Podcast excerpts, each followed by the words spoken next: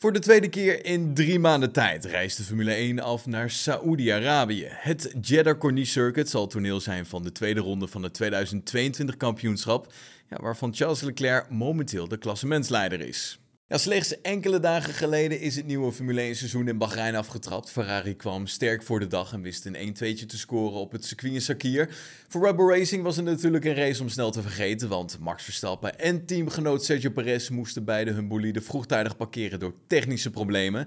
Ja, Mercedes is de lachende derde, want het team wist optimaal te profiteren van de uitvalbeurten door als derde en vierde over de finishline te komen. Het snelle stratencircuit viel vorig jaar al goed bij de coureurs en leverde veel op. Ja, dit seizoen strijkt het Formule 1 circus neer met nieuwe wagens. En ja, de vraag is dan ook, wat kunnen we verwachten van de Grand Prix van Saoedi-Arabië?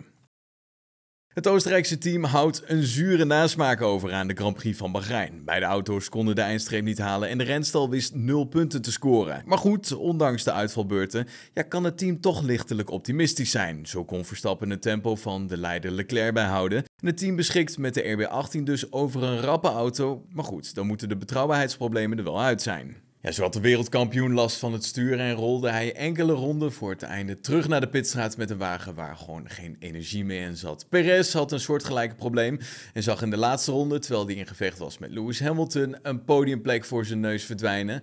Ja, voor de Oostenrijkse formatie kan het nieuwe raceweekend dan ook niet snel genoeg beginnen. Een van de grootste nadelige effecten van de nieuwe aerodynamische regels is toch wel porpoising effect. Het fenomeen zorgt ervoor dat de auto's enorm gaan stuiteren op de rechte stukken. Toch wist niet elk team het probleem te tackelen. Mercedes had duidelijk nog last van het gestuiter, maar ook Aston Martin werd gedwongen om een noodgreep uit te voeren. Team van Lawrence Stroll was genoodzaakt om de rijhoogte van de AMR 22 te verhogen om het gehobbel te verminderen. Ja, dit ging wel ten koste van de snelheid. Circuit in Jeddah beschikt over hele lange rechte stukken waar vol gas wordt gereden. Mochten de teams het porpoising effect nog niet hebben opgelost, dan wordt er weer volop gehobbeld in Saoedi-Arabië. Niemand zal op voorhand verwachten dat Mercedes dit weekend sneller zal zijn dan Ferrari of Red Bull, maar toch is de W13 nog volop in ontwikkeling. En ja, de Duitse renstal mag natuurlijk nooit worden onderschat. Het zou zomaar kunnen zijn dat ze de sleutel hebben gevonden. Het team en Hamilton waren in hun nopjes met de derde plaats in Bahrein, wat toch wel onvoorstelbaar is gezien de dominantie die het team de afgelopen acht seizoenen heeft getoond. Ja, de verwachting is dat het team kleinere vleugels zal installeren, zodat er minder luchtweerstand zal zijn. En dat was een van de oorzaken van de achterstand van het team in Bahrein.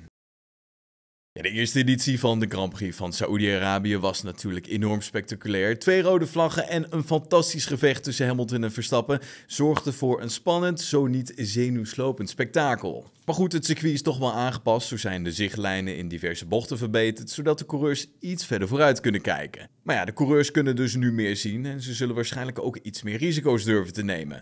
Of het daadwerkelijk voor gevaarlijkere situaties zal gaan zorgen, dat moeten we nog zien.